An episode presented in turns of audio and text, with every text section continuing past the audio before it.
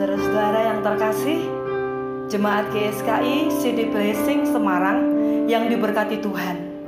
Kita bertemu lagi dalam ibadah yang tentunya ibadah yang diberkati Tuhan. Saya rindu kembali kita masuk dalam hadirat Tuhan melalui pujian dan penyembahan. Dan biar setiap Bapak Ibu Saudara memiliki rasa haus dan lapar akan Tuhan saya percaya saat kita memuji menyembah Tuhan dengan hati yang haus dan lapar akan Tuhan, maka di sana berkat Tuhan pasti dicurahkan.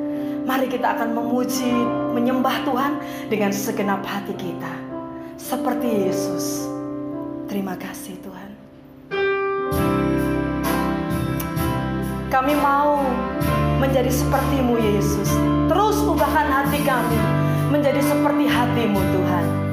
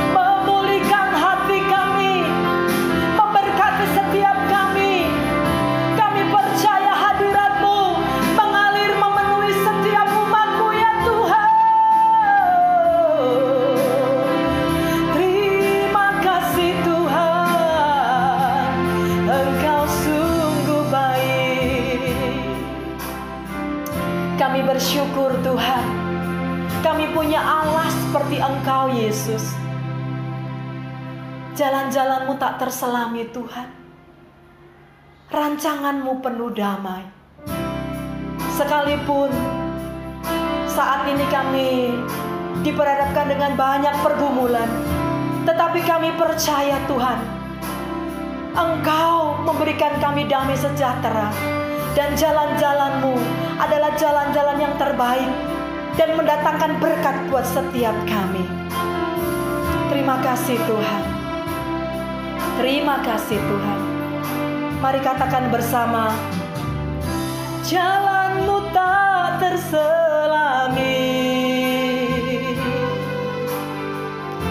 Oleh setiap hati kami.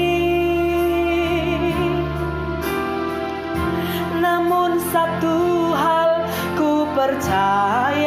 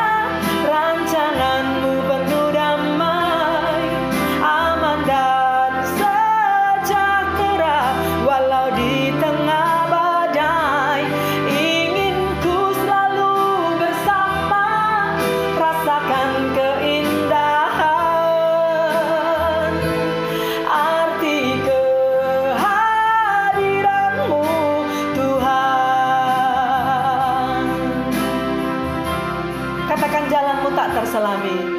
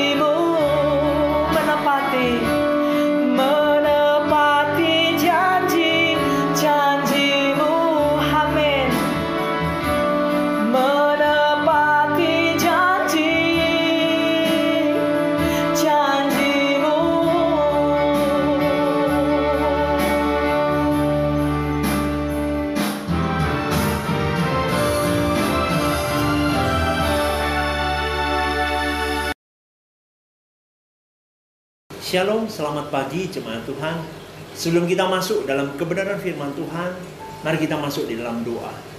Kami bersyukur Allahku untuk hari ini di mana kami diberi kesempatan untuk kami bisa menikmati hadirat Tuhan.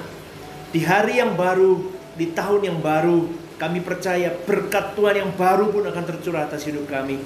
Kami siap diajar, kami siap dibentuk, dan kami siap menjadi pelaku-pelaku kebenaran firman-Mu Beracaralah ya Bapa. Di dalam nama Yesus kami alaskan doa kami ini. Haleluya, haleluya. Amin, amin. Shalom jemaat Tuhan. Saya mau ucapkan selamat tahun baru. Kita sungguh bersyukur kepada Tuhan. Di tahun yang baru ini kita masih diberi kesempatan untuk kita bisa memasuki New Year, tahun yang baru, berkat yang baru yang Tuhan sediakan atas hidup kita. Kita mau responi dengan kebenaran firman Tuhan, kita mau belajar resapi lebih dalam lagi. Mari kita belajar di dalam 1 Samuel ayat yang ketujuh, pasal yang ketujuh maaf, ayat yang kedua sampai yang ke-14. 1 Samuel 7 ayat yang kedua sampai yang ke-14. Firman Tuhan berkata seperti ini. Orang Filistin terpukul kalah dekat Mispa. Sejak saat tabut itu tinggal di Kiryat Yearim, Berlalulah waktu yang cukup lama, yakni 20 tahun, dan seluruh kaum Israel mengeluh kepada Tuhan. Lalu berkatalah Samuel kepada seluruh kaum Israel demikian. Jika kamu berbalik kepada Tuhan dengan segenap hati, maka jauhkanlah para ala asing dan para asitoret dari tengah-tengahmu dan tunjukkan hatimu kepada Tuhan dan beribadahlah hanya kepadanya maka ia akan melepaskan kamu dari tangan orang Filistin. Kemudian orang-orang Israel menjauhkan para Baal dan para Asitoret dan beribadah hanya kepada Tuhan. Lalu berkatalah Samuel, kumpulkanlah segenap orang Israel ke Mispa, maka aku akan berdoa untuk kamu kepada Tuhan. Setelah berkumpul di Mispa, mereka menimba air dan mencurahkannya di hadapan Tuhan. Mereka juga berpuasa pada hari itu dan berkata di sana, kami telah berdosa kepada Tuhan. Dan Samuel menghakimi orang Israel di Mispa. Ayat yang ketujuh, ketika didengar orang Filistin bahwa orang Israel telah berkumpul di Mispa, majulah orang-orang kota Filistin mendatangi orang Israel. Serta didengar orang Israel demikian, maka ketakutanlah mereka terhadap orang Filistin. Lalu kata orang Israel kepada Samuel, "Janganlah berhenti berseru bagi kami kepada Tuhan, Allah kita supaya ia menyelamatkan kami dari tangan orang Filistin itu. Sesudah itu Samuel mengambil seekor anak domba yang menyusu lalu mempersembahkan seluruhnya kepada Tuhan sebagai korban bakaran. Dan ketika Samuel berseru kepada Tuhan bagi orang Israel, maka Tuhan menjawab dia. Sedang Samuel mempersembahkan korban bakaran itu, majulah orang Filistin berperang melawan orang Israel.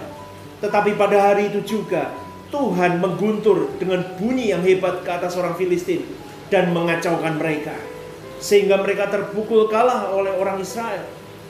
Keluarlah orang-orang Israel dari Mispa mengejar orang Filistin itu dan memukul mereka kalah sampai Hilit Betkar.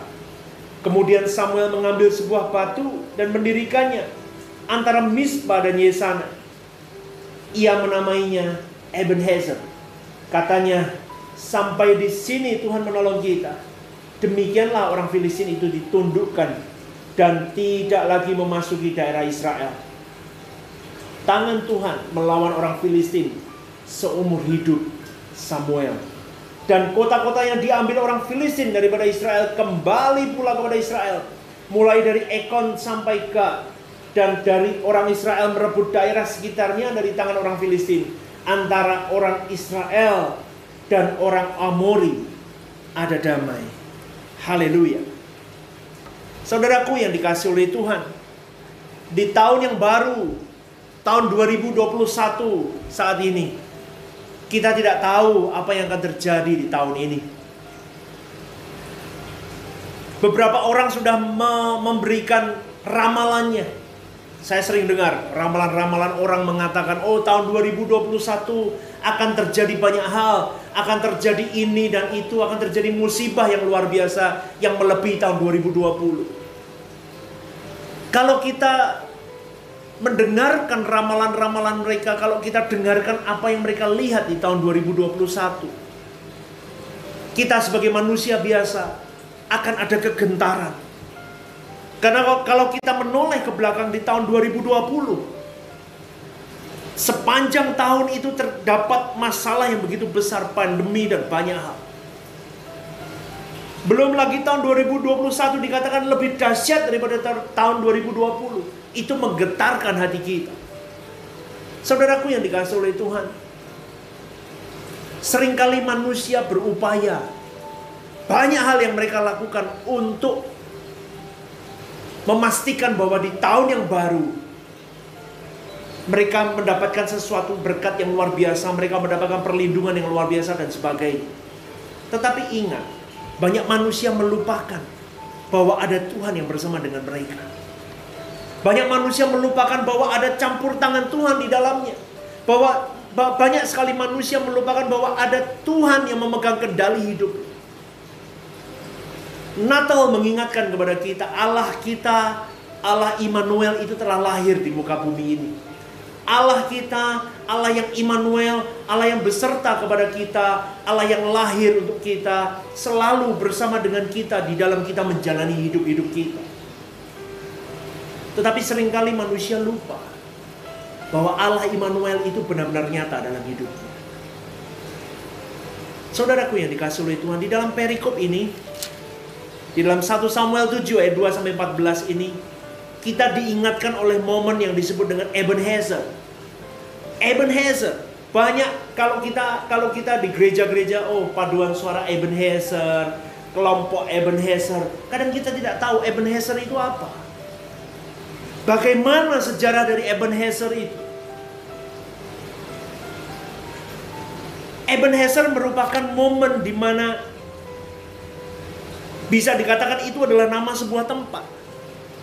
Ebenezer itu mengingatkan kepada orang Israel bahwa Ebenezer itu lambang bahwa engkau sudah kalah dua kali oleh melawan orang Filistin. Dua kali, dua kali pertempuran. Kalah yang pertama, anak Imam Eli binasa semua. Kalah yang kedua, tabut perjanjian dirampas oleh orang Filistin. Dan di 20 tahun ke depan Imam Eli dilanjutkan kepemimpinannya oleh Nabi Samuel. Dua kali kalah oleh orang Filistin. Dan itu cukup fatal. Yang paling fatal adalah ketika tabut perjanjian diambil dan dirampas oleh orang Filistin.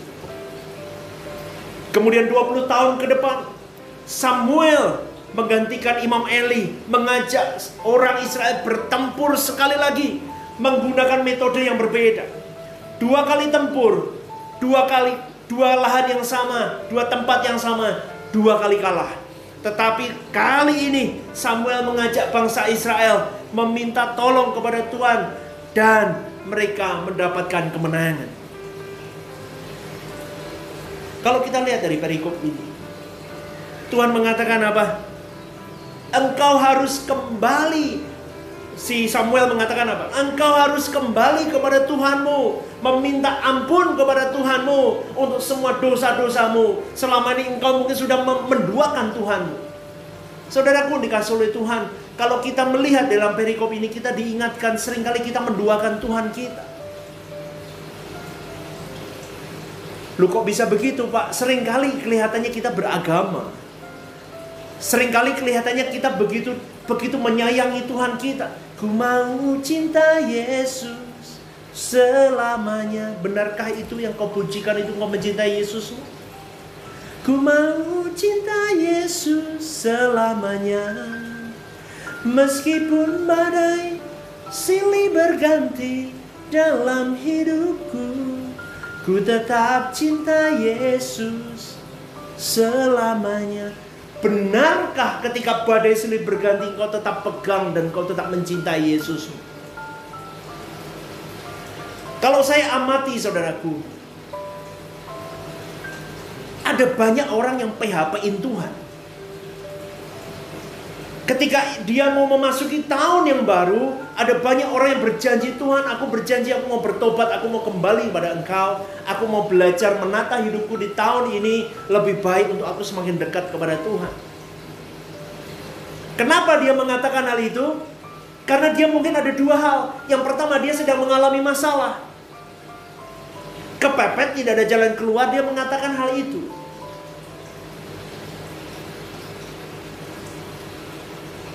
Tujuannya apa? Ketika dia mendekat kepada Tuhan, ada jalan keluar yang Tuhan berikan atas hidupnya.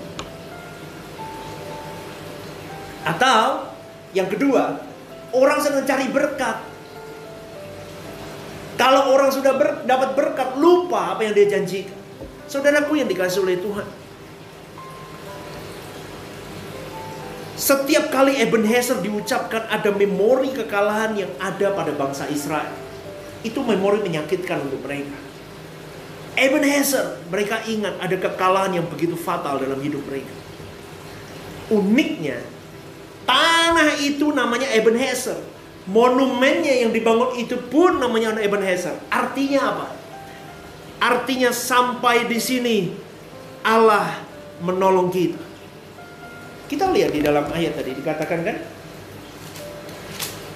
Pas uh, eh, 1 Samuel 7 ayat yang ke-12 firman Tuhan berkata sampai di sini Tuhan menolong kita. Kalau kita belajar teks aslinya itu diartikan bukan sampai di sini Tuhan menolong kita, berarti galau dong kita. Berarti cuma sampai di sini Tuhan selesai, nggak, nggak, nggak menolong kita lagi. Tetapi kalau kita belajar teks aslinya, teks aslinya mengatakan diartikan seperti ini. Sejauh mana kita mempercayai Tuhan, Sejauh itulah pertolongan Tuhan ada pada kita. Saya ulang sekali lagi. Ebenezer itu kalau di dalam teks aslinya kalau boleh diartikan seperti ini, sejauh mana kita mempercayai Tuhan kita, sejauh itulah pertolongan Tuhan atas dirimu dan diriku terjadi. Seharusnya kalau ada Ebenezer dalam diri kita, Seharusnya kalau ada Ebenezer di dalam hati orang-orang percaya, konsep kemenangan itu yang kita miliki. Konsep kemenangan itu dimulai dari yang namanya pertobatan, saudaraku. Jangan pernah kau pikirkan bahwa kemenangan itu kemenangan-kemenangan finansial. Kemenangan atas sakit penyakitmu, kemenangan atas apa pun, dimudahkan masalahmu tidak itu akan ada.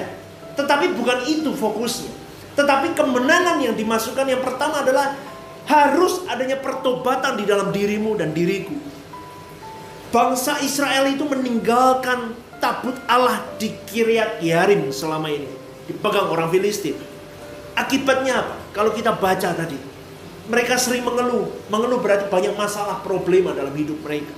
Mereka mendua hati mereka mencari ilah lain. Mereka mencari pertolongan ilah lain.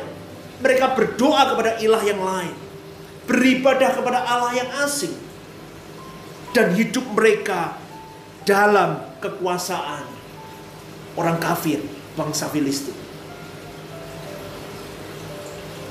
Kalau kita amati, saudaraku, tabut perjanjian adalah lambang dari kehadiran Allah. Betul ya? Tabut perjanjian itu adalah lambang kehadiran Allah. Itu hanyalah kayu. Loh Pak itu kan benda biasa. Betul. Tetapi itu sakral untuk orang Israel. Karena itu adalah lambang di mana kehadiran Tuhan turun. Itu berbentuk kayu yang disalut oleh emas. Berbentuk kotak persegi. Tidak begitu panjang.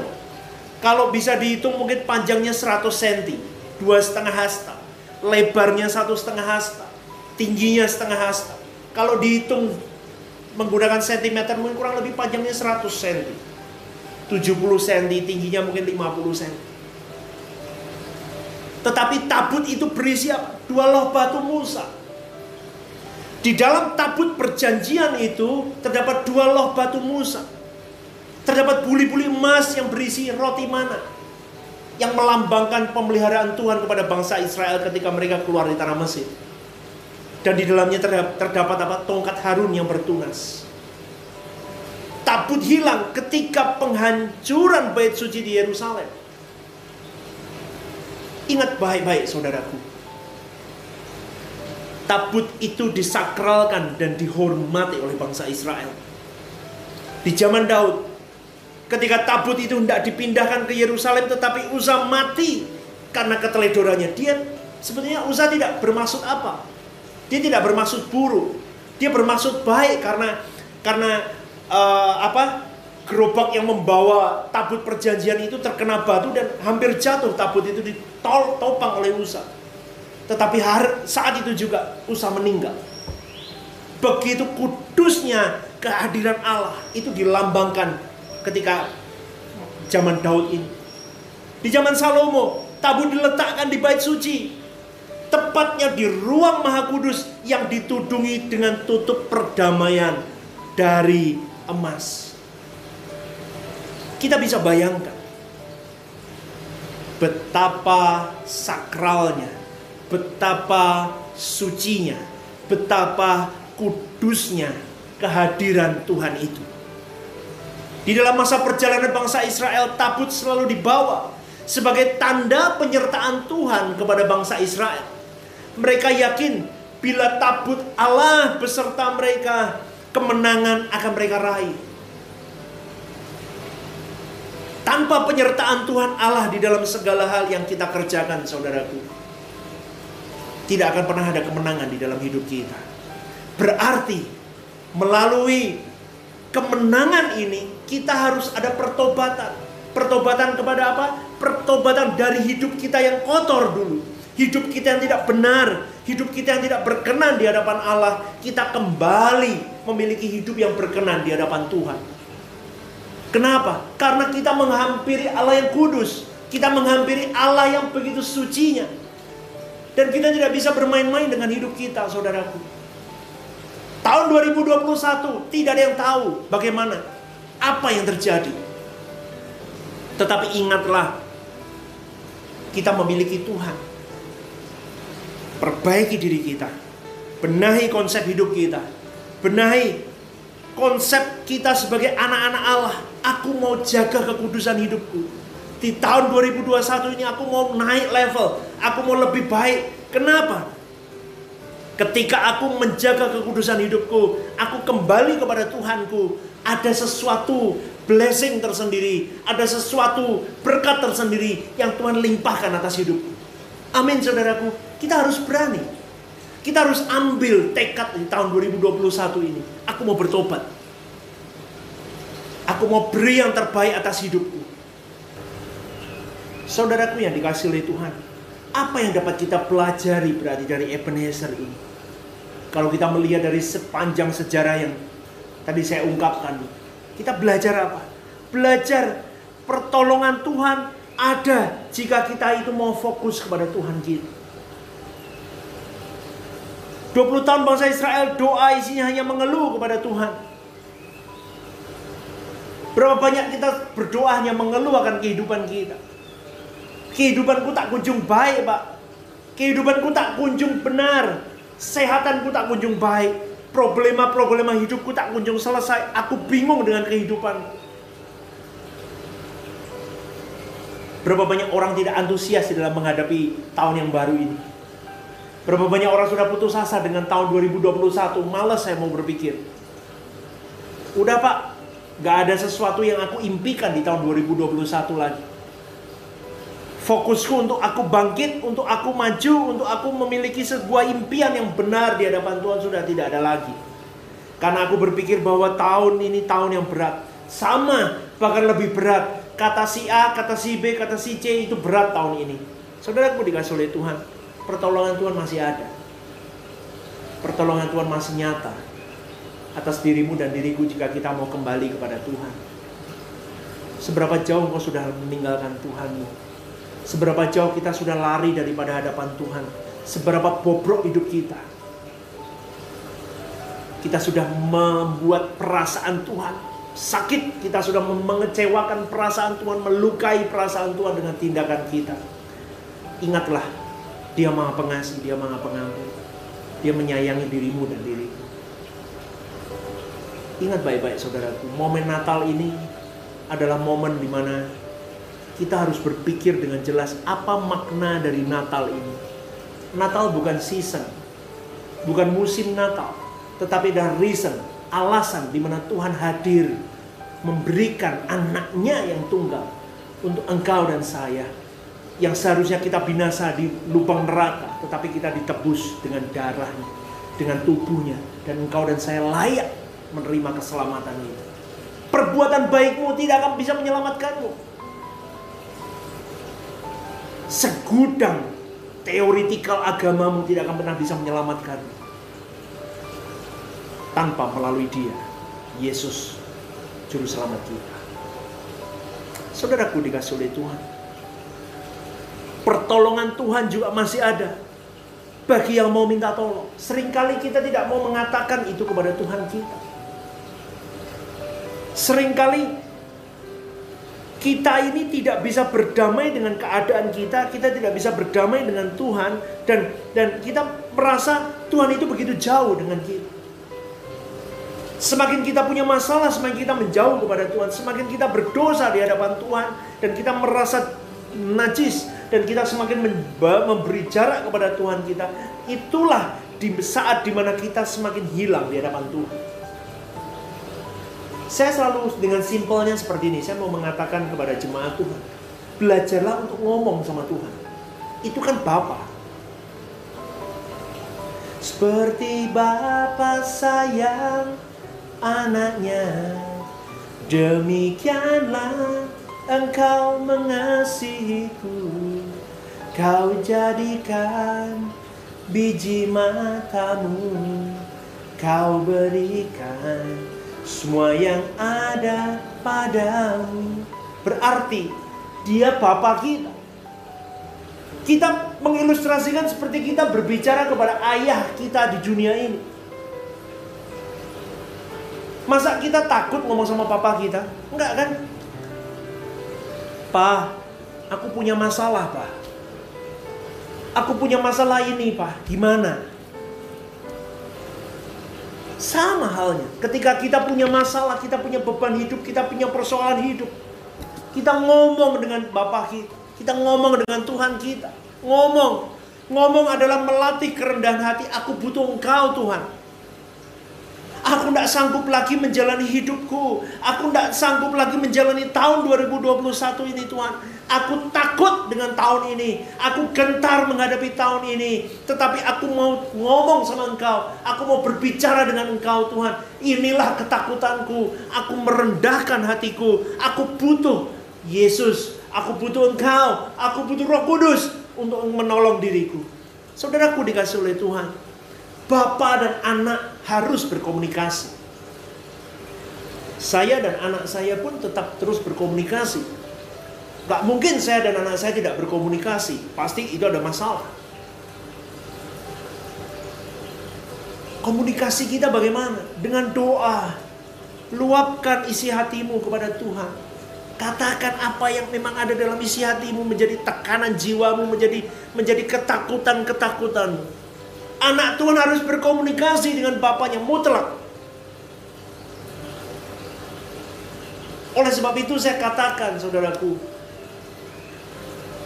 tanpa doa, tanpa hubungan yang jelas kepada Tuhan, engkau dan saya tidak layak menjadi anak-anak Tuhan. Saudaraku yang dikasih oleh Tuhan, Ebenezer juga mengingatkan kepada kita. Kalau kita lihat di dalam cerita Ebenezer ini, kepemimpinan Samuel itu sangat teruji. Di dalam perjalanannya yang berat sekalipun,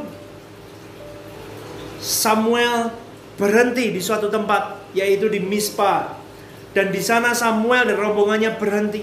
Mereka menenangkan diri, mereka merenung, mereka evaluasi, mereka membuat planning ke depan. Untuk apa? Untuk menjadi pribadi yang lebih baik, untuk menata segala sesuatunya menjadi lebih baik. Merenung membuat kita tidak asal jalan, saudaraku.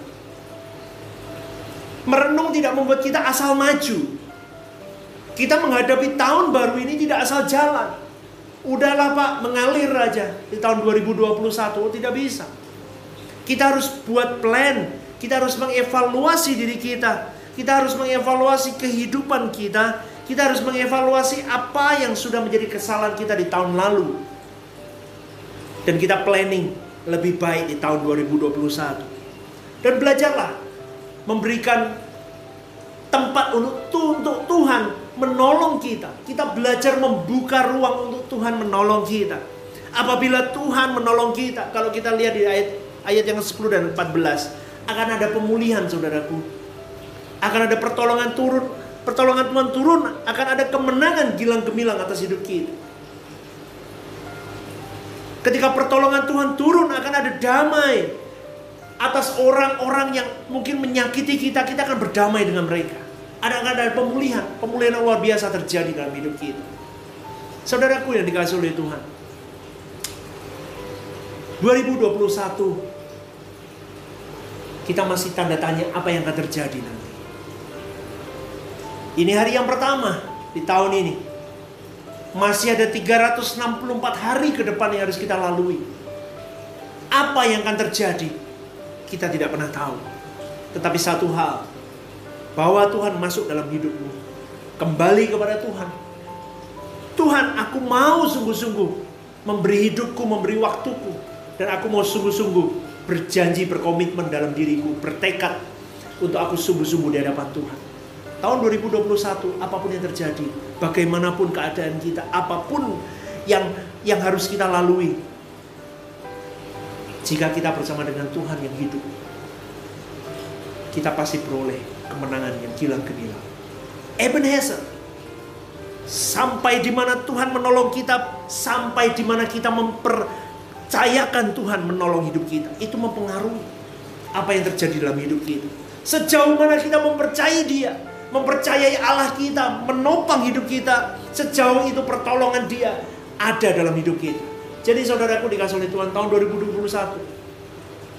Bawa Tuhan bersama dengan hidup. Bawa Tuhan di dalam hidupmu, bawa Tuhan dalam pekerjaanmu, bawa Tuhan di dalam kesehatanmu, bawa Tuhan di dalam pelayananmu, bawa Tuhan di dalam kerohanianmu secara pribadi kepada Tuhan. Bawa naik terus keintimanmu dengan Tuhan.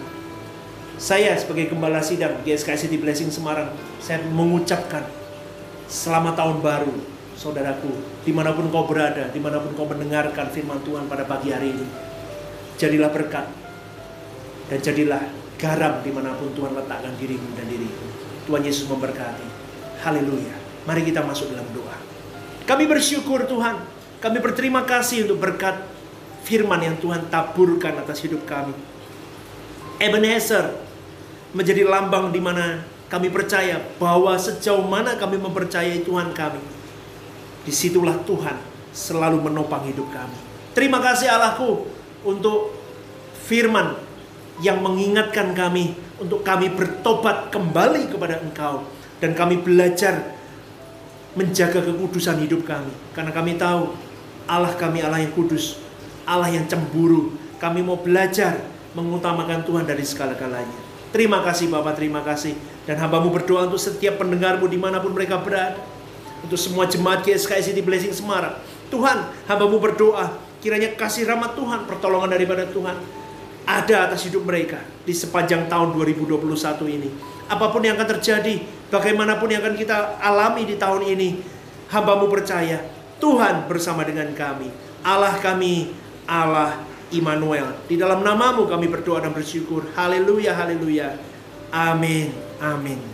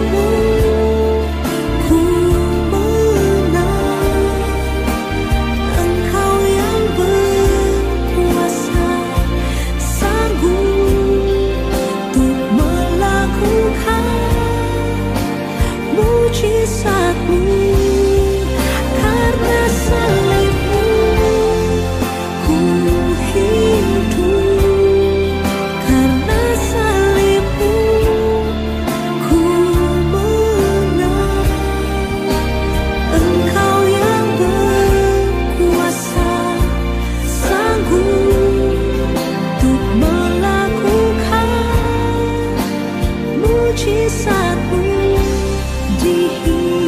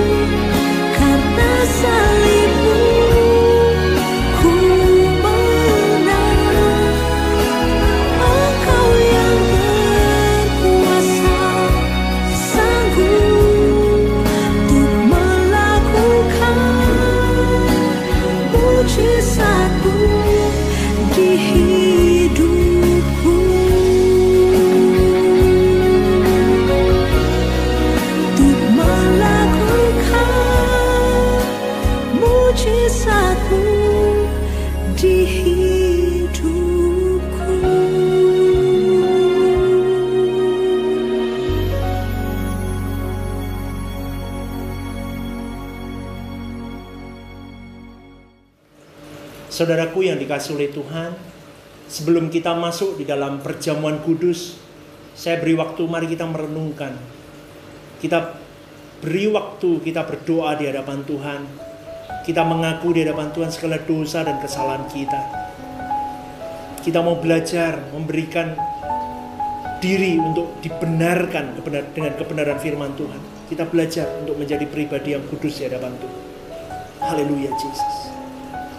Terima kasih Tuhan, terima kasih. Haleluya Jesus.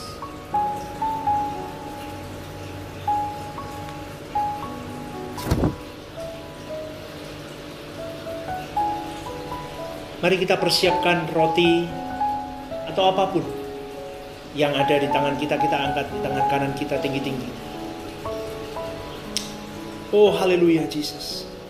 Sebab apa yang telah kuteruskan kepadamu telah aku terima dari Tuhan, yaitu bahwa Tuhan Yesus pada malam waktu ia diserahkan mengambil roti dan sesudah itu ia mengucap syukur atasnya dan berkata, "Inilah tubuhku yang diserahkan bagi kamu. Perbuatlah ini menjadi peringatan akan aku." Apakah Bapak Ibu dan saudara-saudari percaya bahwa roti ini menunjuk kepada tubuh Yesus yang telah dipecah-pecahkan bagi kita. Makanlah dalam nama Tuhan Yesus Kristus.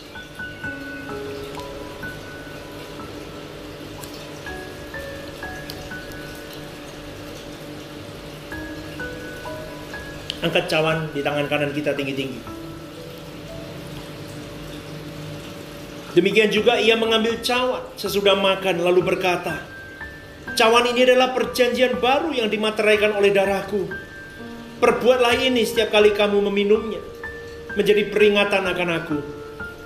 Sebab setiap kali kamu makan roti ini dan minum cawan ini, kamu memberitakan kematian Tuhan sampai ia datang. Apakah Bapak Ibu, saudara-saudari percaya bahwa anggur ini menunjuk kepada darah Yesus yang telah tercurah bagi kita semua? Minumlah di dalam nama Tuhan Yesus Kristus. Haleluya. Haleluya Jesus, haleluya. Ucapkan terima kasih Tuhan. Oh haleluya Jesus, terima kasih Allahku. Terima kasih Tuhan untuk tubuh dan darahmu. Kami percaya Allahku, di mana kami membuka hati kami, kami bertobat di hadapan Tuhan. Dan kami membuka hati kami untuk Tuhan masuk di dalam hidup kami. Ebenezer itu nyata dalam hidup kami kemenangan demi kemenangan terjadi dalam hidup kami. Kami semakin selaras di hadapan Tuhan. Dan kami semakin memuliakan Tuhan di mana pun Tuhan letakkan kami. Terima kasih Tuhan Yesus untuk darah dan tubuhmu. Kami belajar menempatkan hidup kami berkarakter anak Allah dan menjadi pribadi yang menjadi berkat di mana pun kami berada. Oh haleluya Jesus. Saudaraku yang dikasih oleh Tuhan, angkat kedua tanganmu, terima berkat yang daripada Tuhan. Terima kasih Yesusku, terima kasih. Kiranya berkat Bapak Abraham, Bapak Isa dan Bapak Yakub di dalam iman kepada Yesus Kristus turun atasmu. Tuhan memberkati engkau dan melindungi engkau. Tuhan menyinari engkau dengan wajahnya dan memberi engkau kasih karunia. Tuhan menghadapkan wajahnya kepadamu dan memberi engkau damai sejahtera. Haleluya, haleluya. Amin. Amin. Amin.